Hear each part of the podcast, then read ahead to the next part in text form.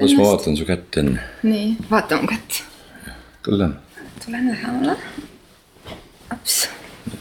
nii. pean teadma, kellega ma suhtlen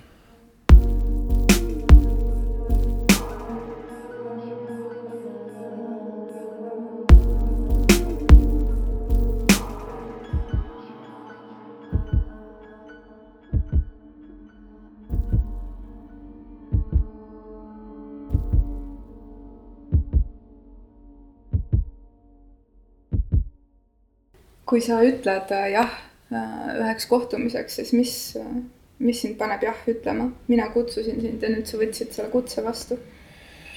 sa oled kuradi mingisuguse kolmekümne alasti pepu esindaja minu silmis ja see on minu jaoks piisav, täiesti piisav nagu põhjus öelda jah.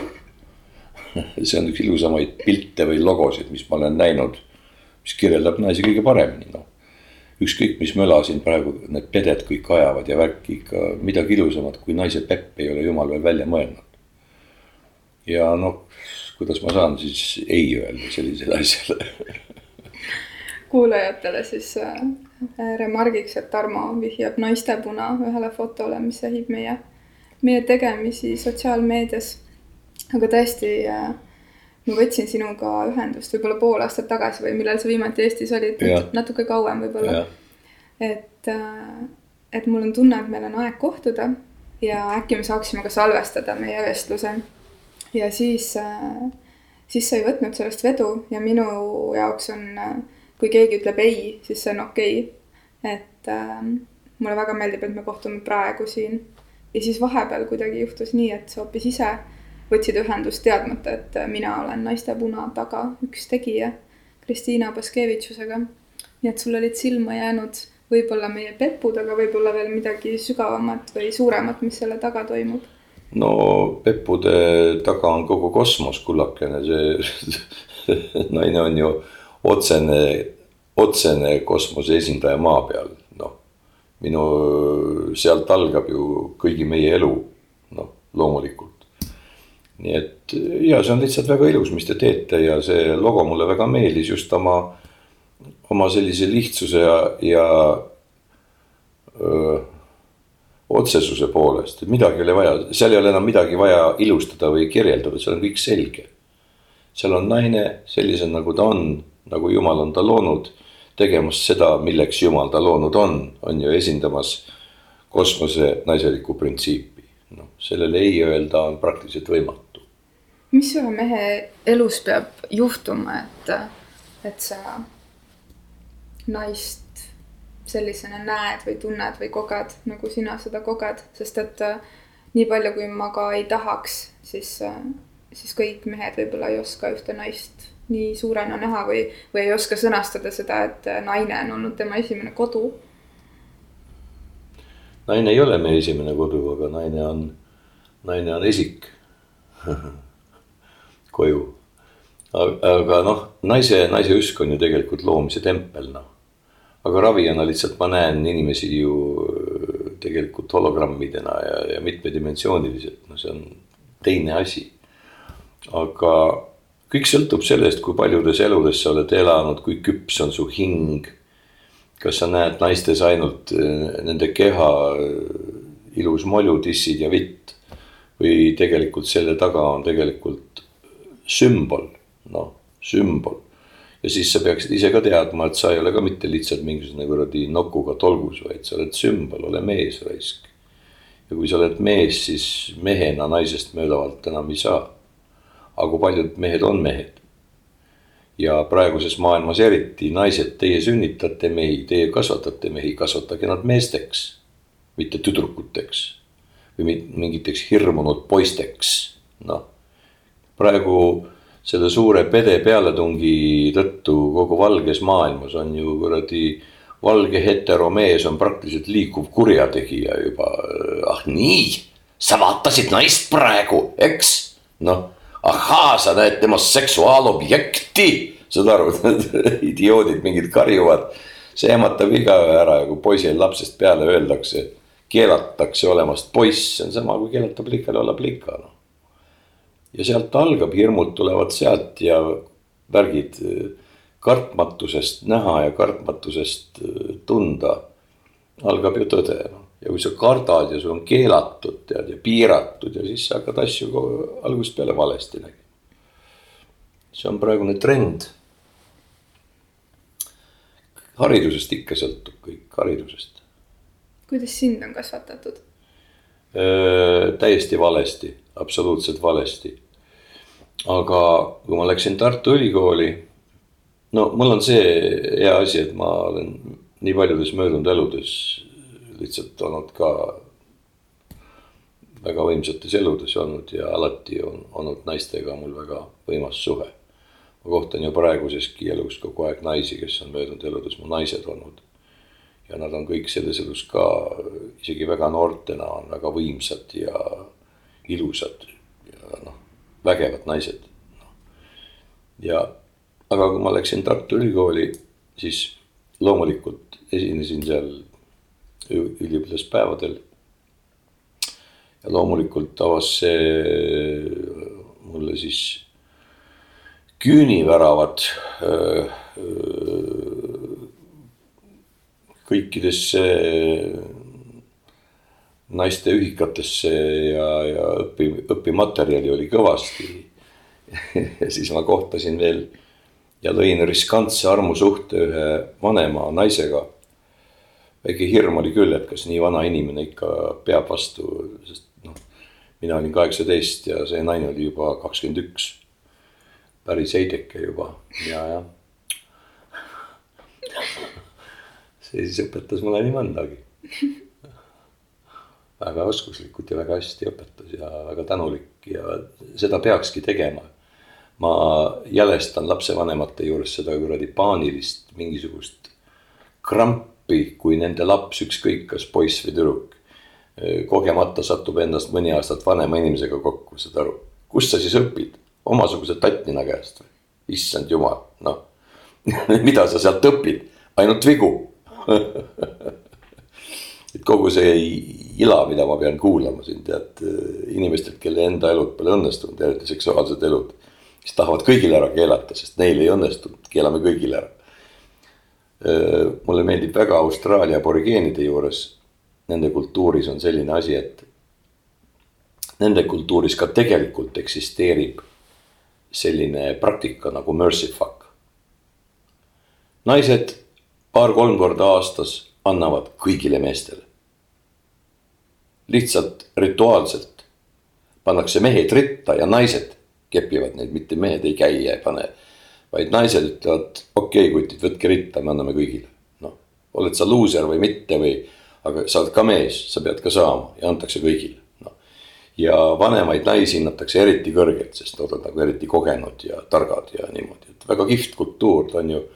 nüüd on teadlased lõpuks suutnud ära tõestada, et see on meie planeedil kõige vanem segamatult kasvanud kultuur üldse ligi pool miljonit aastat järjest noh, ja nende ju lapselikud jutustused maailma loomisest ja inimkonna tekkimisest planeedile ju vastavad täpselt väga kõrgelt haritud Blavatskajate kõigi nende paljusõnalisele mälale, ainult lapselikult ja lihtsalt.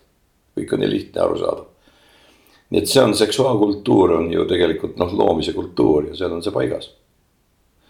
Ja ma olen paljudele öelnud, et maailmas poleks sõdu kui naised paar korda aastas annaksid kõikidele kuttidele keppima, muidu jooksevad ringi hullunud silmadega.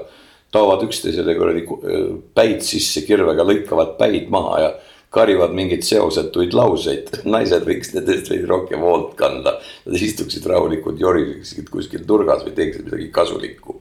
aga nüüd pannakse sõdu, noh no kuidas sellist asja ära korraldada nii, et, et ähm et naised tahaksid seda teha, et see oleks loomulik, et. naised, äh, naised, kui nad saaksid aru selle tähtsusest ja vajalikkusest, nad otsus, otsustavad, äh, teevad selle otsuse ise. naised on oma loomult nii suuremeelne tõug.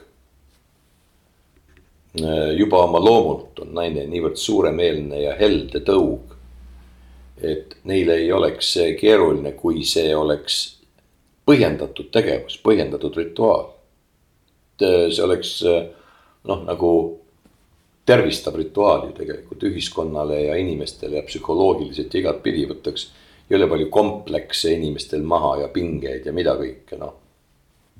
naised on selles suhtes erakordne ja üks, üks probleem ongi praegu ja alati olnud selles, et, et naisi alahinnatakse meeletult, meeletult ja mehed äh, alahindavad naisi sellepärast, et nad kardavad neid tegelikult hinnata, sest nad ise ei küüniks võib-olla sinna. siis tõmmatakse kõik sinna tasemele, kus nagu saab veel millestki aru ja kus saab midagi kontrollida ja kärkida ja midagi tõmmelda. aga need, kes naisi veidike tunnevad, veidikenegi tunnevad, need teavad lihtsalt, kui vägev rahvas see tegelikult on. kui naisi poleks, mehed oleks ammu üksteist maa peal ära tapnud juba mina olen naine ja sina oled mees, mis, mis, mis minus on, mida sinus ei ole? auk. ja veel? no sealt kõik algabki, sealt, eh, ega see on lõpuni uurimata praeguseni, mis seal kõik toimuma, toimub. aga meeldiv on see, et mis tänapäeval ei juhtu iga päev, et ma astun uksest sisse, sa tuled, kallistad mind ja mul läheb türa kõvaks. mis näitab, et su energia toimib see ei ole mitte lihtsalt mingisugune sümboolne, vaid sa oledki naine ja ma olengi mees, kõik on õige. sa erutad, peadki erutama. kujutlusvõimet ja mehelikkust. järelikult kõik on õige. noh, ja see ongi kõik, nii lihtne ongi, noh. naised loovad, naised harmoniseerivad, toovad ilu, hoolitsust, armastust, mehed toovad kaitset, jõudu, saad aru, noh mulle väga meeldib paljude põlisrahvaste juures on niimoodi, et mehed ja naised ei pea üksteisest kõike teadma. naistel on oma maailm ja omad saladused, kuhu mehi ei kutsuta ja kuhu mehed ei roni. ei tohigi teada paljusid asju, mehed, mehed ei ole suutelised isegi palju sellest informatsioonist üldse seedima, see pole neile määratud. ja sama on meestega, naised ei roni meeste maale, kus nende mängumaa on, keskel on nii palju ruumi mängida tantsida, süüa teha, lapsi teha, kõike teha milleks ronida üksteisele näkku, noh. Ameerikas on nüüd tore komme tek-, tekkinud ametlikult, et mehed võivad viibida lapse sündimise juures. nagu tasakaaluks selle eest, et need ei olnud lapse tegemise juures. see seksuaalsuse teema, äh, mina ei tunne sind ju tegelikult, me täna esimest korda niimoodi teadlikult siin kohtume mm. selles elus vähemalt.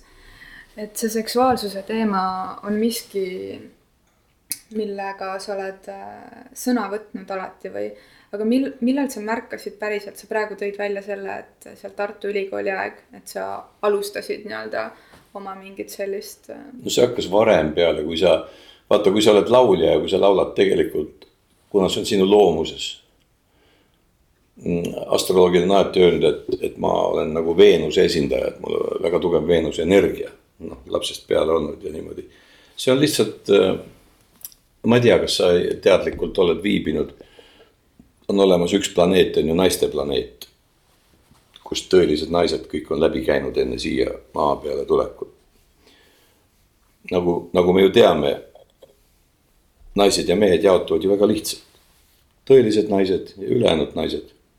tõelised mehed ja ülejäänud mehed rass, rahvus, see ei tähenda mitte midagi, kõik ülejäänu ei tähenda mitte midagi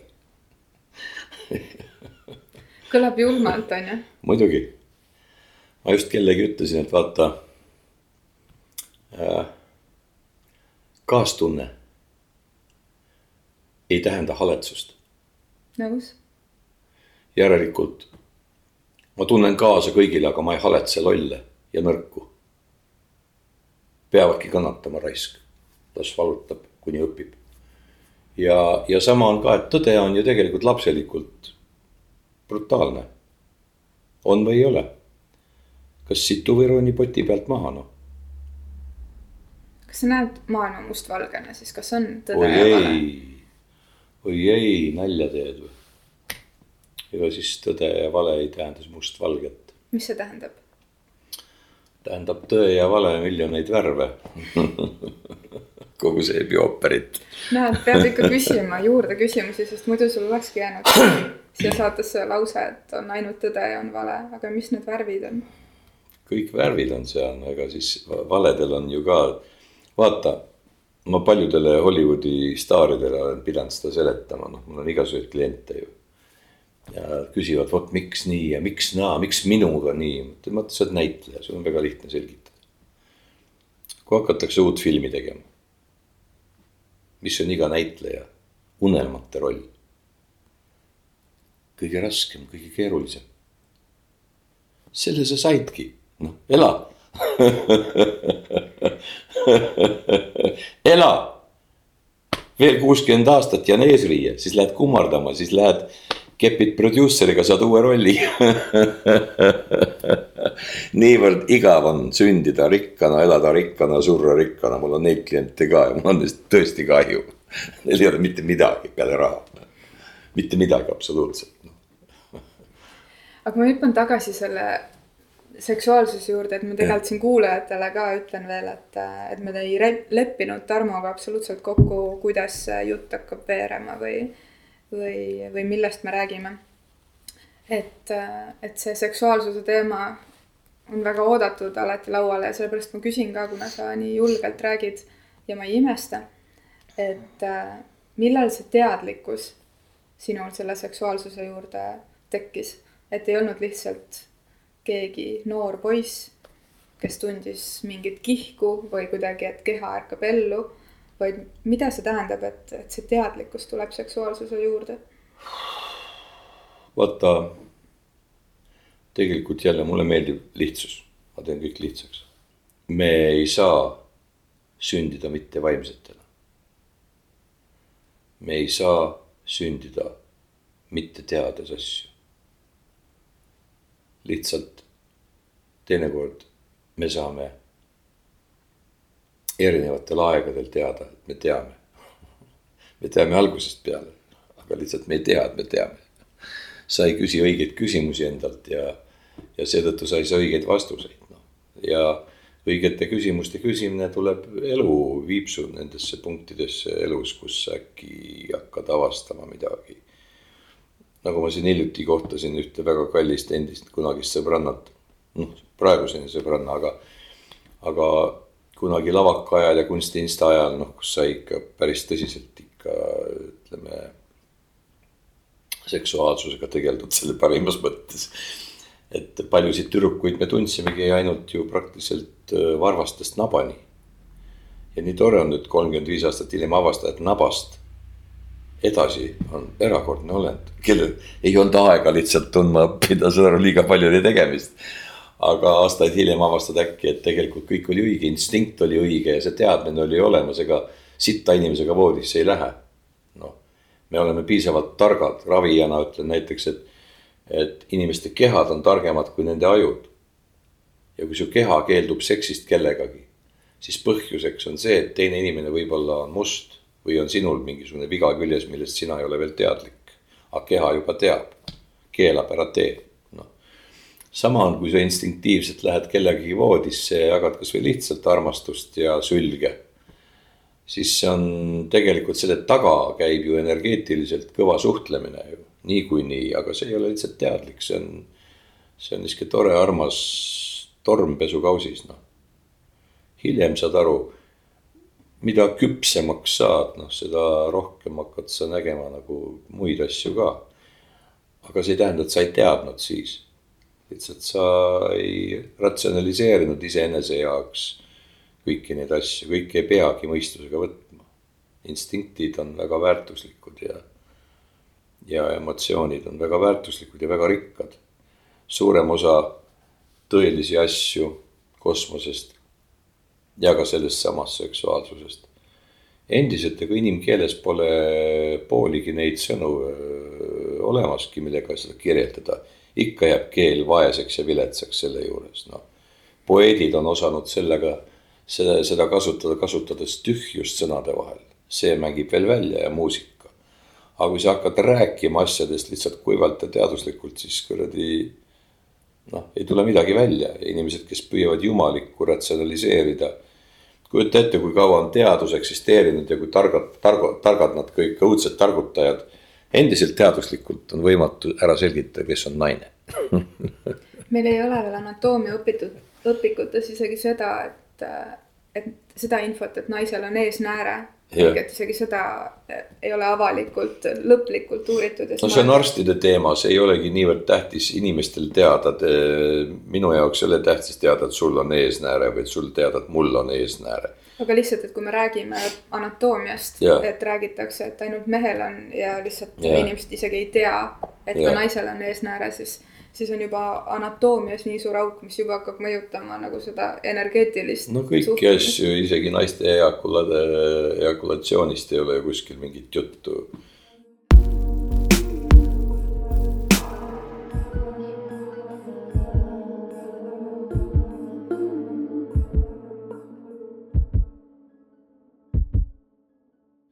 Väga paljudel naistel, kes oma viimases inkarnatsioonis olid mehed näiteks, neil on üldse seksuaalsusega väga suured raskused. sest see mees nende sees kategooriliselt keeldub mehi ligi laskmast. ja vastupidi, mehed, kes on olnud naised möödunud eludes, neil on väga noh, raske.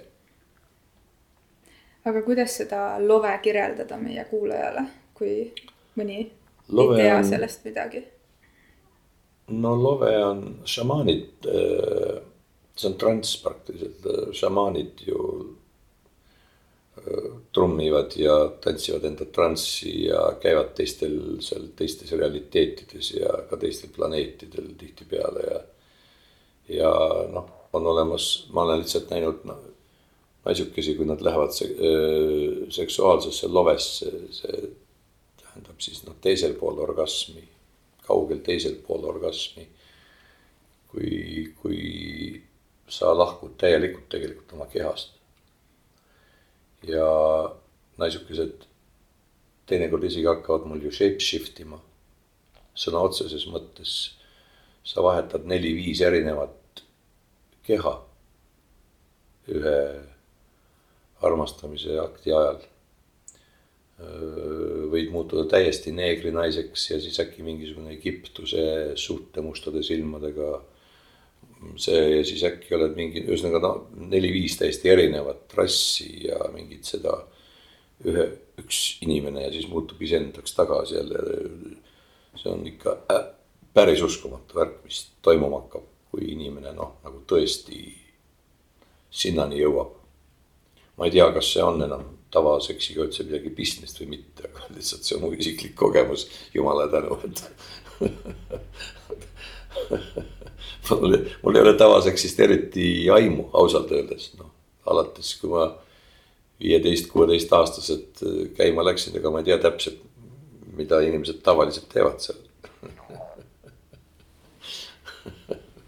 Peaks kedagi intervjueerima, küsima, mis teete seal. Äh,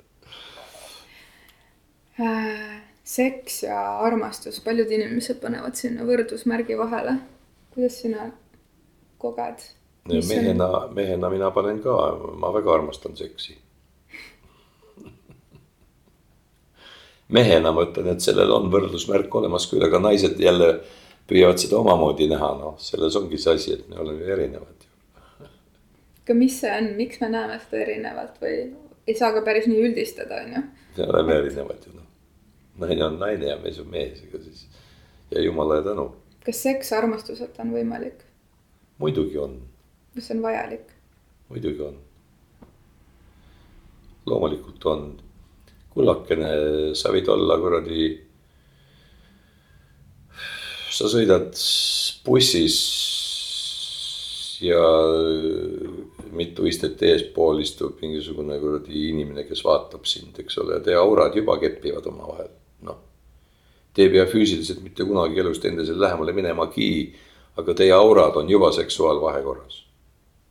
Teie, teie mõtted on juba seal. Teie energeetika juba suhtleb, see on ka seks. seks ei tähenda, et kindlasti, et püksid maha ja pikali, saad aru. kõik on seksuaalne sa oled laval, sa laulad tuhandele inimesele, see on seksuaalvahekord. noh, kusjuures siiras, täiesti see, see ei ole manipulatsioon. Kui oled mingi popstaarikene, kes laulab neid suhkrupoppi, ma saan aru, seal need sõnad ei tähenda midagi, miski ei tähenda midagi. see on lihtsalt see mingi popp, noh. aga kui sa tegelikult ka oled poeet ja tegelikult ka laulad, siis sa armastad kõiki neid inimesi seal saalis ühe korraga. see on mm -hmm. seksuaalakt nii meeste kui naistega see on hulga suurem tähendus tegelikult ja kui palju sa oled isegi kohanud, sa oled ilus naine. sa oled ise kohanud, kus mõne inimesega tekib sul lihtsalt pilkudes tekib selline juba tunne, et uh, on ju. noh, see ongi seks. ei ole vaja tingimata füüsiliselt üksteise sisse tungida. juba toimub kõik, noh, unedes hirmus palju inimesi kirjutavad mulle hommikuti, et kuule, et Tarmo, sa käisid mul unes külas jah, ma rändan ringi tõepoolest. see on see laul mul see. Lõputult rändan neis ääretuis laantes ja külvan ja külvan, et haljendaks maa. kuidas see ühiskond täna on siia jõudnud, et, et need kokkulepped, milline üks suhe on ja et abielu tähendab kahe liitu ja ja, ja kõik see, mis, mis ei ole enam nii, nagu kunagi kuskil traibides on olnud ja täna ka traibides on. Lihtsalt äh, ühelt poolt kõikvõimalikud ideoloogiad, mis on määratud inimese, vaata, inimesed sellest hetkest, kui inimesed kaotasid huumorimeele ja lakkasid olemast mängulised. ja kui sa vaatad Tribe, Tribe'id endiselt laulavad ja tantsivad, on ju aga valge rass ainult teeb tööd ja maksab makse ja trahve. ja piirab ja keelab. Kristlus ja muhameedlus ja ma ei tea, kõik need kuradi ismid, mis on peale tulnud, mis kõik ju loodi tegelikult Kali Juga ajal. pimeduses, hirmus, uskumatuses tegelikult noh. Need on lihtsalt jooksnud niivõrd kinni nagu väga paljud ka igasugused organisatsioonid, kes eesmärk alguses on võib-olla saada mingisugune asi korda, aga siis nad ei saa enam pidama. ja siis nad jätkavad kruvi kinni keeramist, kuni kruvi puruks läheb. Ikka keelame veel midagi ära, teeme veel ühe piirangu ja paneme veel midagi, nad ei saa enam pidama. Nad ei julge enam laiali minna, töö on tehtud, aga ikka teeme veel midagi. lõpuks on inimesed kõik õnnetud ja vihased ja millegipärast ja keegi isegi ei tea, miks. noh, sest keegi kuskil ja neile on antud mingil, mingi millegipärast neile on antud õigus teiste peale karjuda ja teistele midagi dikteerida ja saada persse. No kuidas sellised äh, otsustajad on võimule saanud? see on ka kõikide meie ühine küsimus, nad ronivad võimule. ma just rääkisin ühele, paar noort kutti tulid mulle juurde kuskil ööklubis või kuskil hiljuti ja ütles, et vaata, me oleme muusikud ja Tarmo, et noh, et sa oled tark mees ja räägi meile midagi, tead noh, et kuidas ikka nii, ütlesin, see on tegelikult väga lihtne.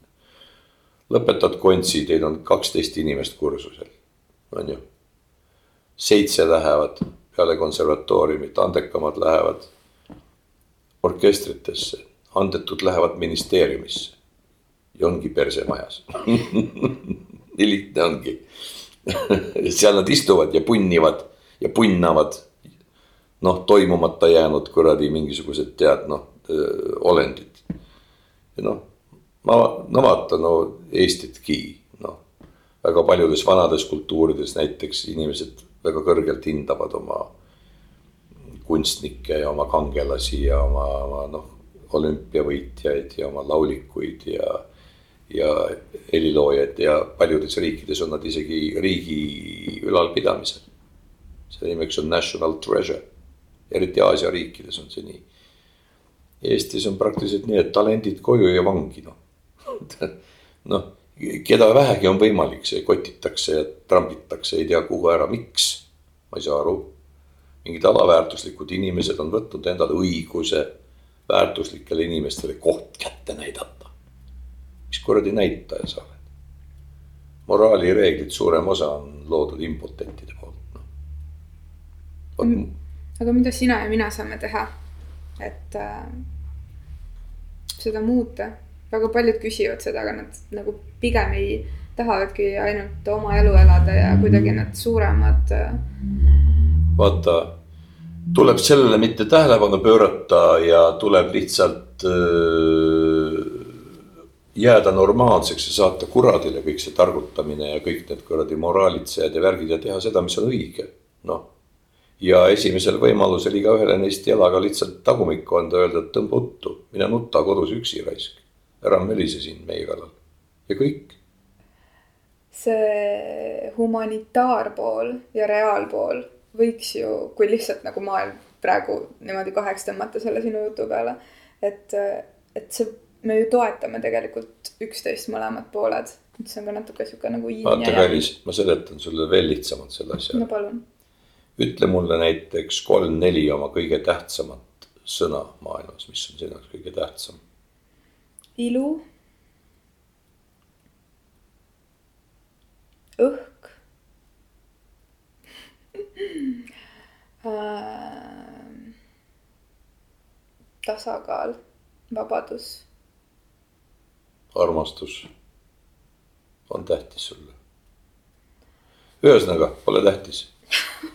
võta nüüd needsamad sõnad, võta nüüd needsamad sõnad ja lisa neile sõna business hmm.. Ilu business, vabaduse business armastuse business, tervise business ja nii edasi. perses.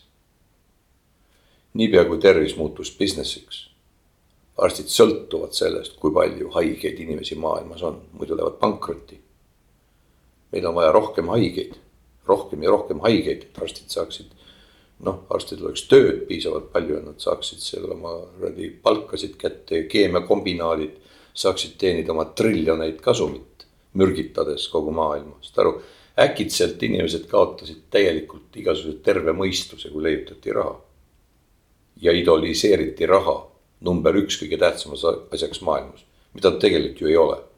noh, meile müüakse praegu ajutist rahu, ajutist peavarju, ajutist tervist ja ajutist täiesti kõikuvat kultuuri ja täiesti ettearvamatut ajalugu, mis kirjutatakse ümber iga kord, kui vähegi vaja.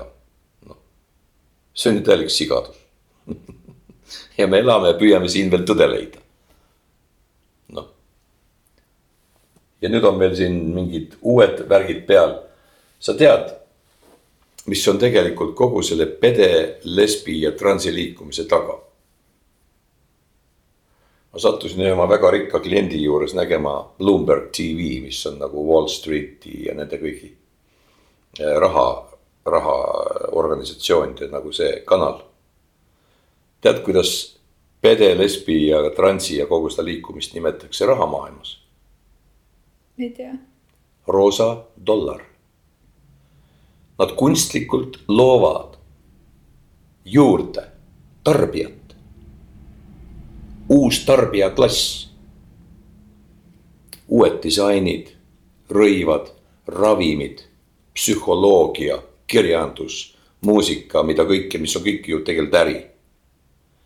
teadlikult tekitatakse lisatarbijat, oi Indias just regist-, registreeriti kuradi, lubati pedeabielud, jee, me saime pra-, just kuradi miljard roosat dollarit juurde, saad sa aru ühelt poolt aetakse asi nagu iga ideoloogiaga, aetakse jälle pisarad silmi kõigile ja iga ideoloogia määritakse sulle pähe see, see noh, emotsionaalne ja tatine pool. aga selle taga on külm kalkulatsioon. ja nii paljud noored kirjutavad sellele alla, kuna see on moes, eks ole, see on teema, on ju. Hakatakse enesestki otsima midagi, mida võib-olla sinu sees üldse ei ole, aga sa tahaksid ka nagu kuskile kuuluda. ja sa oledki see kuradi roosa dollar miks äh, see gei ja lesbi nii-öelda liikumine või maailm sind ärritab? ta ei ärrita mind, absoluutselt. geid, geid ja, ja gei on mulle vale sõna mm, -hmm. homo. nii, homo. sest see leiutati ka hiljem jälle millekski. mul ei ole sellega mingit probleemi, seni kuni nad teistele inimestele närvidele ei käi. Me ei näe... käi ju geide tänaval kuradi tilli näitamas, noh miks geid käivad meie tänaval peput näitamas, noh. elage, armastage, alati on nad olnud, kui ma oleksin maailma kuningas, ma teeksin seaduse, et kõik inimesed võivad üksteisega abielluda. sõltumatult absoluutselt põhjusest, miks. abielluge mees mehega, naine naisega, kuradi jalgpallimeeskond võrkpallimeeskonnaga, abielluge. aga? Ma ei tea, miks, mina lubaksin. palun aga, aga sellest on tehtud, vaata, kui sinu seksuaalsest eelistusest sa lood poliitilise platvormi, siis see on vale suhtumine seksuaalsusesse. ole pede, ole lesbi. aga ära käi, ära ole sõjakas pede ja sõjakas lesbi, ole nagu inimene, noh. aga ma tean väga palju geisid ja lesbisid, kes on nagu väga ilusad inimesed ja seal ei ole mitte midagi sõjakusega pistmist. jaa, aga siis etteotsa sinna ronivad jälle need koledad ja vihased. aga no. etteotsa täpselt samamoodi, mina ei ole feminist äh,, aga ma toetan naisi ja kui ma mõtlen, et kes ka on need feministid, kes püünele ronivad, nad on väga meesenergias ja väga sõjakad.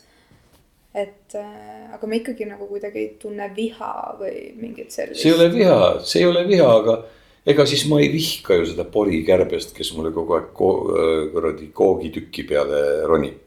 Ma sina, ikka löön ta maha. aga sina võid ka kellelegi pinda käia täpselt samamoodi nagu sa ütled, et geid käivad sulle pinda, homod kui sa tahtsid nii nimetada. Nad ei käi mulle pinda, nad käivad kogu ühiskonnale pinda. vaata, kui sa eraldad ennast nii jõhkralt teistest inimestest.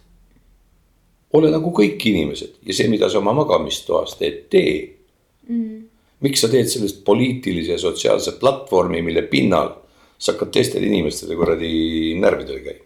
ma arvan, et mul on õnn tunda äh selliseid homosid ja lesbisid, kes äh, on väga ilusad inimesed ja kes ei ole teinud sellest müügiplatvormi. ma olen sinuga nõus, ma tunnen ka ilusaid. Ma näen ainult koledaid, näen ainult televiisoris vahetevahel kuskil lennuväljal. minu sõbrad, lesbilised ja, ja, ja homod on täpselt samamoodi toredad inimesed, mul ei ole tõepoolest mingit probleemi nendega no,.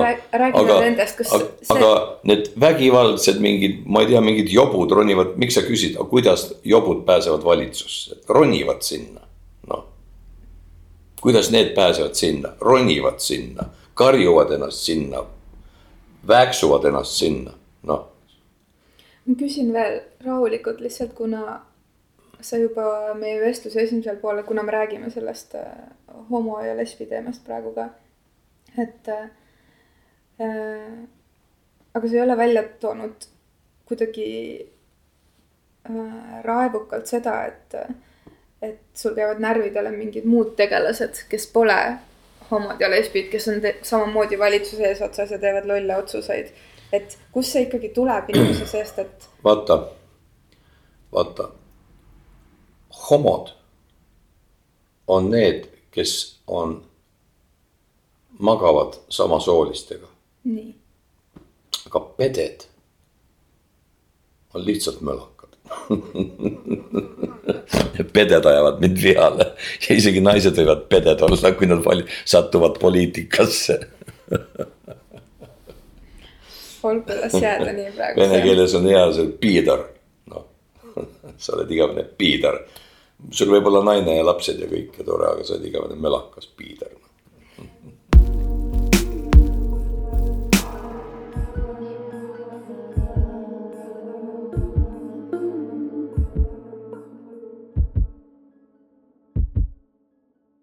kas su otsekohesus on sulle probleeme ka tekitanud?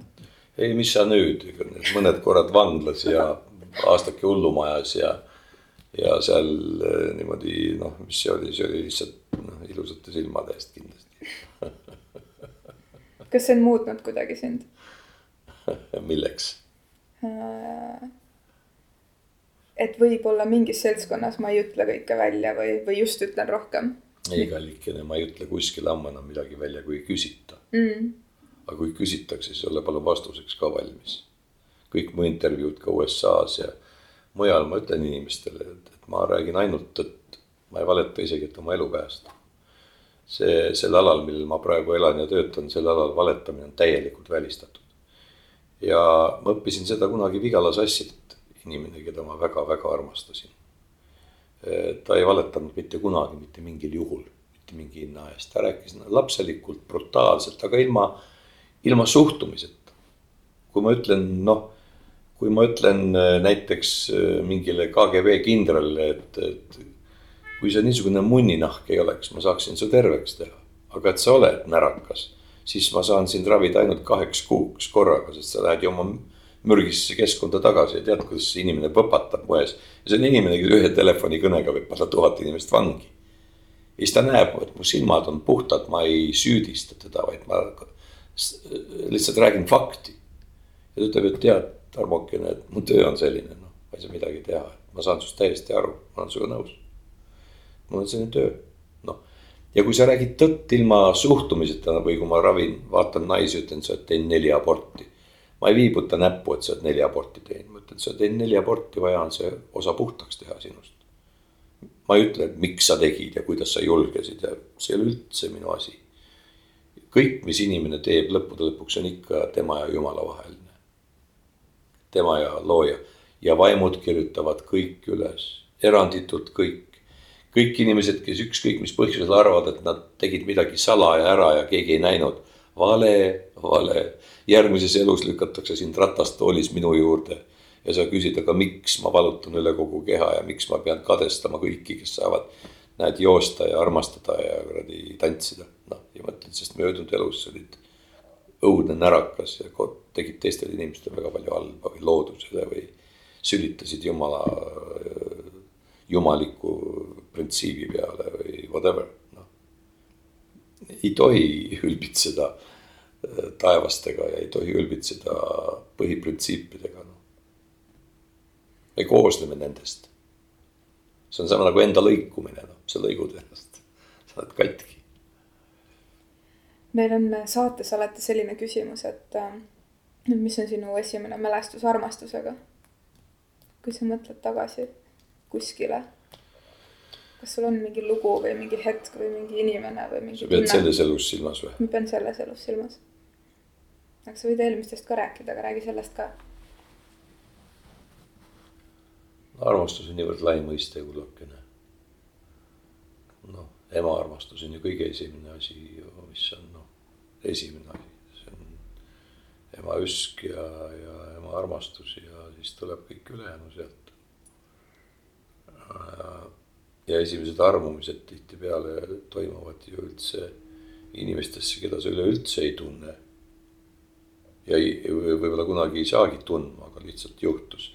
sest armastamise vajadus spontaanne on lihtsalt niivõrd suur, et sa armud ükskõik millesse saaks ainult armuda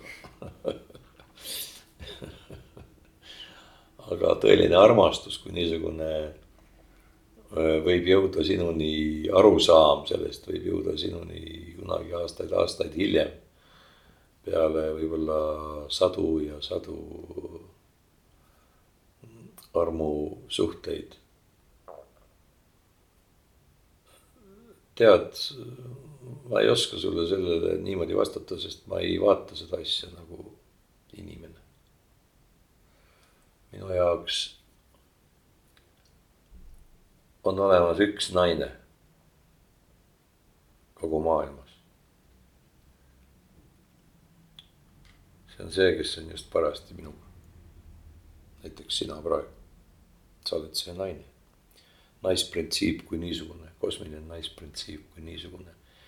Ja, ja naine sünnib selleks ju algusest peale, nagu mees sünnib meheks algusest peale. ja osaliselt mul on kahju inimestest, kes ei saa olla ei üks ega teine, vaid neil on vaja otsida vahepealt midagi. ja noh, kui, kui nad on taevatoodang, siis nad leiavad oma koha ja värgi elus, aga väga palju on ka segadust ja kultiveeritud segadust. aga armastus on noh, niivõrd, sa võid tunda armastust lugedes vapustavat poeesiat või kirjutades seda.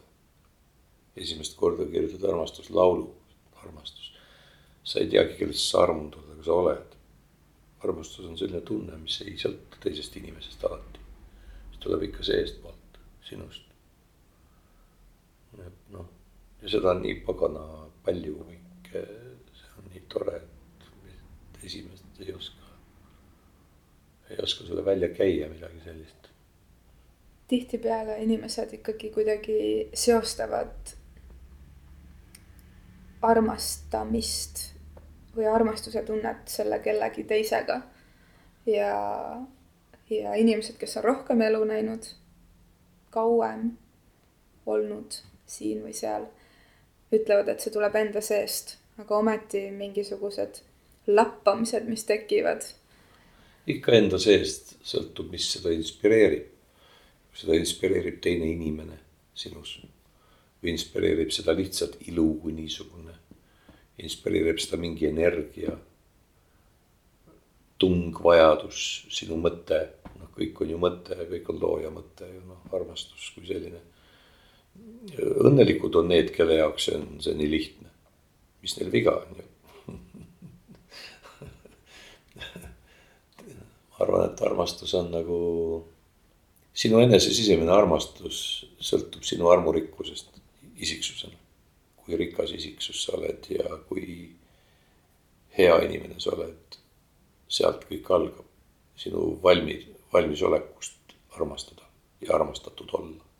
noh, see on ju alati vahetus, see on ju noh, armastus, tegelik armastus on ju alati vastastikune siiski väga paljud ja enamik inimesi äh, usuvad äh, paari suhtesse või üks-ühele suhtesse.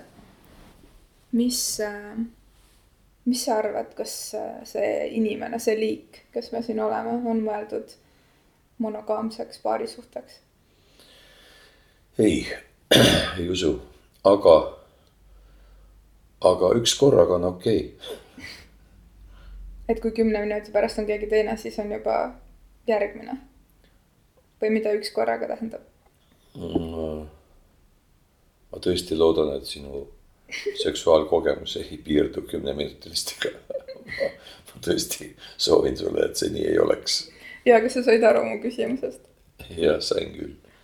minu arvates peab olema nagu kõikide tõeliste asjadega, kõik peab olema naturaalne ja spontaanne, midagi ei saa kellegi ette kirjutada isegi vaata, kui palju on juhtunud, et inimesed käivad aastaid teineteisega ja kõik on vapustav ja nii kui abielluvad, läheb kõik perse. äkitselt pandi kuradi piirid peale ja uksed lukku ja nüüd vot kõik see, mis eile sulle valmistas rõõmu ja naudingut, täna muutus sulle kohustuseks ja äkki sa enam ei taha. äkki sul enam, homme seda, vot miks ma täna ka pean oma naist keppima. eile tahtsin viis korda, aga täna vot ma pean, täna ma äkki ma ei taha sest miks ma pean. inimeste mingisugune idiootsuse meeletu mastaap on ikka täiesti hämmastav, kuidas inimesed oskavad ise oma elud pekki keerata. mis see abielu sinu jaoks tähendab? ma ei tea sellest midagi. mis sa arvad, miks see on välja mõeldud, ühiskondlikult kuidagi kokku lepitud? ma arvan, et see on ikkagi eelkõige vajadus inimesi organiseerida ühikutesse ja panna neid selle eest maksma, nagu ikka. sama nagu on religioonid, kõik ideoloogiad on alati kontrolliga seotud. mingid inimesed, kes, inimesed, kellel puudub empaatia, armastuse ja seksuaalsuse võime, need inimesed loovad endale hooramajad ja omavad neid, saad aru. nagu aborigeenid ütlesid, et Nemad teadsid põllumajandusest ammu enne hiinlasi ja föniiklasi ja kõiki teisi ammu. Nad lihtsalt valisid mitte võtta põllumajandust vastu, sest põllumajandus praktiliselt tähendab taimede ja loomade koonduslaagrit. vabadalt kasvavate taimede ja loomade koonduslaagrit, kus olendeid kasvatatakse tapmise eesmärgil. noh, ja sa sööd nende orjade liha ja sinust saab ori, nagu valgest mehest on saanud. ori alandlik, arglik, kartev. ori. Nemad elavad nii, et nelja-aastane aborigeeni laps võib rahulikult üksinda looduses hakkama saada. magavad täiesti jääkülma maa peal, ilma et jääks haigeks, kõnnivad pluss viiekümne kraadi käes alasti, ilma et nad kuradi saaksid päikesepistet, noh söövad rahulikult seda, mida loodus neile parajasti välja pakub ja kõnnivad paljaste kätega mööda maailma ringi, mis on tegelikult pühaduse mõiste. Nad ongi pühad. Nad ei sõltu mitte millestki. pluss on neil need arusaamad, näiteks on aborigeenidel üks vapustavalt kihvt traditsioon. et näiteks kui kaks küla mehed tülitsevad omavahel ja lähevad kaklema siis naistel on õigus iga kell tulla ja see kaklus lõpetada, sest vigaseid pole kellegi tarvis. okei okay,, olete julged kutid, me nägime ära, kõik on võimsad vennad, nii, lähme nüüd koju tagasi ja sõda lõpeb sealsamas, kohe. kuulekalt minnakse rahulikult ära. You made your point, lähme nüüd koju, sest vigaseid pole kellelgi vaja. milleks üksteist vigastada? noh, ebapraktiline nagu keegi on öelnud targalt, et kui naised juhiksid maailma, siis sõdu ei oleks. kuidas naised maailma juhtima saada? seda ei juhtu kunagi. arvad? jah. Aga see oleks kihvt ja, et keegi ütles, et kui naised juhiks maailma, siis sõdu ei oleks, lihtsalt oleks terve kari riiki, kes omavahel ei räägi ma ei räägi sinuga. sest negatiivsus on ju tegelikult täiesti ebapraktiline. samamoodi on ka materialism on täiesti ebapraktiline. materialism põhi, põhineb ju ainult ahnusel ja hävitamisel, meie enda ressursside hävitamisel. Võetakse elus ressurss, muudetakse ta kuradi mingiks müügiartikliks ja järgmise asjana visatakse prügihunnikusse. prügihunnikud ainult kasvavad maailmas kõik hävitame iseenda jalge alt kõik ära, et saaks ta korraks maha müüa kellelegi. mingisugust loogikat selles ei ole, absoluutselt mingit mõistuse alget seal ei paista. sa ütlesid enne, et kui sa oleksid maailma kuningas. jah. Aga kui sa oleksid, mida sa veel muudaksid, et seda maailma paremaks teha? muudaksin kõik ära no too näide. no kõik, kõik muudaksin ära, noh, eranditult kõik mina ja John Lennon kahekesi võiksime rahulikult maailma kuningad olla. ta on oma laulus Imagine kõik ära öelnud juba ju. see ongi tegelikult väga lihtsalt lapselikult välja öeldud, kuidas asjad võiks olla, noh. kuidas nad ju kunagi olid. Enne kui siis mingid hullud hakkasid äkitselt mõtlema, et võiks veel olla. võiks veel olla ja ahneks ja noh. selleks, et igaks juhuks, vaata, kõik algas sellest, et kaotati usk. usust räägitakse palju, aga usku ei ole inimesed ei usu tegelikult. sest kui nad usuks, nad usaldaksid homset päeva, nad usaldaksid jumal, jumalikku alget. Nad ei muretseks, et peab tingimata kogu aeg igaks juhuks tagavaraks veel olema kuradi saja inimese jagu veel midagi, sest seda peab kaitsma hakkama, siis selle jaoks on vaja linnad ehitada, linnade kindlused, värgid, sõjaväed, sõjaväge on vaja toita ja sealt hakkab kogu see lõppematu ratas peale, mis viib hävituseni tegelikult algab see kõik ainult sellest, et keegi oletab, aga äkki, noh. aga äkki. aborigeenid usaldavad seda. Tõelised inimesed, esimesed inimesed usaldavad seda. kõnnivad rahulikult mööda maailma, indiaanlane ju elas Põhja-Ameerikas enne valgeid inimesi, elas ju nagu normaalne olend. indiaanlaste näiteks seas vapruse märgiks ei olnud mitte see, et sa tapsid oma vaenlase. tõelise vapruse märgiks oli see, et sa läksid oma vaenlase ette ja puudutasid teda ja läksid tagasi. Sa pead kõike tapma, millel põhineb tänapäeva arstiteadus, kõik, millest nad aru ei saa, tuleb ära tappa. sellepärast nad ei suuda ravida väga paljusid haigusi ja viirusi. miks ma olen olnud seni nii edukas? ma ei tapa mitte kedagi kui sul on viirus või bakter. ma häälestan lihtsalt ta DNA veidikene ümber ja temast saab neutraalne bakter. sama bakter, aga lihtsalt teise nimega, noh. Tiidust sai Priit. Ja Priit on täiesti neutraalne su kehas, HIV-st sai HIB. sa oled täiesti terve, me koosneme niikuinii miljonitest bakteritest. sa ei pea kedagi mõrvama selleks, et kedagi teist aidata aga valge inimese psüühika on ju see, et me peame võitlema rahu nimel mis on täielik idiootsus, noh. ja noh, kõik on praegu niimoodi, et kõik, kõik on ehitatud konflikti peale, sest konflikt on just nagu huvitavam. Aga konflikt on destruktiivne, noh. kas armastuse pärast on mõtet võidelda? mis see tähendab, selgita mulle, mis tähendab armastuse pärast võitlemine sain just aru, et see ei tähendagi midagi, aga ma tahtsin lihtsalt küsida, mis just. sa vastad. just. armastuse pärast, armastatu pärast, muidugi. kui mul on ikka vaja armastatu vangitornist ära päästa, ma raudselt päästan. Kui on vaja selleks mingisugune kindlus maha hävitada, siis raudselt hävitan. see on selge inimesed, keda ma armastan, nende inimeste nimel ma olen valmis väga palju tegema. kui sa seda võitluseks pead. aga ülejäänud ma ei saa aru, mis see võiks tähendada armastuse pärast. armastuse pärast ei pea tegema midagi negatiivset, positiivset. siia lõpetuseks, meie vestluse lõpetuseks äh, küsin sellise lihtsa, lihtsa soovituse meie kuulajatele, kellel on, keda kuidagi kõnetab see armastuse teema. ilmselt sellepärast nad kõik on ka kuidagi otsapidi jõudnud Ja. meie sarja kuulamiseni. et mida sina siin praegu, sina kui Tarmo Urb selles elus, inimestele armastuse osas soovitad või kui keegi tuleb sinu juurde ja küsib nõu, et et kuidas armastada paremini või kuidas, kuidas, kuidas armastada vabamalt või kuidas leida armastust või kuidas otsida armastust või kuidas armastust hoida. ma saan aru, et need on kõik küsimused, mis tulevad mingis mõttes sellisest kitsakast vaatenurgast, et midagi on kadunud. Aga selliseid küsimusi on nii palju, ma kohtan neid küsimusi nii palju inimeste juures, kes tulevad minu juurde teed jooma või või laagritesse. mida no, sina vastad? tead, kõik algab sellest, et olge enda vastu ausad.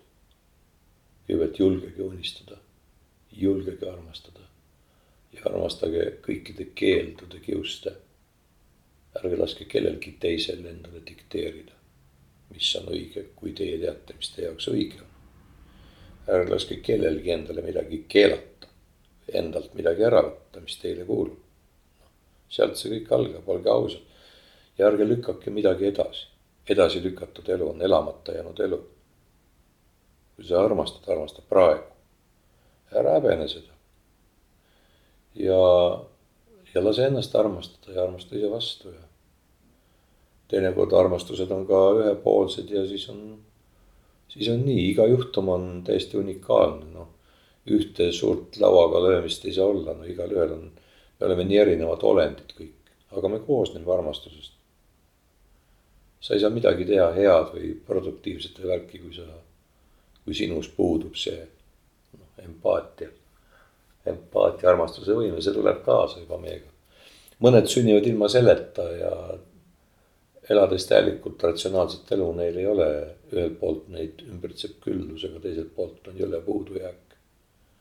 see on osa selle universumi eksistentsist. armastus on, ongi tegelikult ju ka seksuaalsus. Need on ju, kõik on ühe ja sama asja erinevad vibratsioonid, ütleme nii.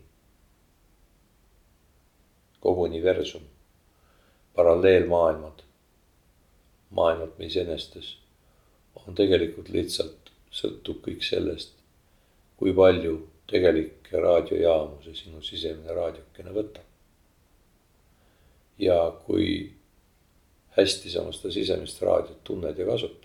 mõnel võtab see kakskümmend jaama, mõnel võtab kaks tuhat, mõlemal on õigus, lihtsalt ühel on parem raadio.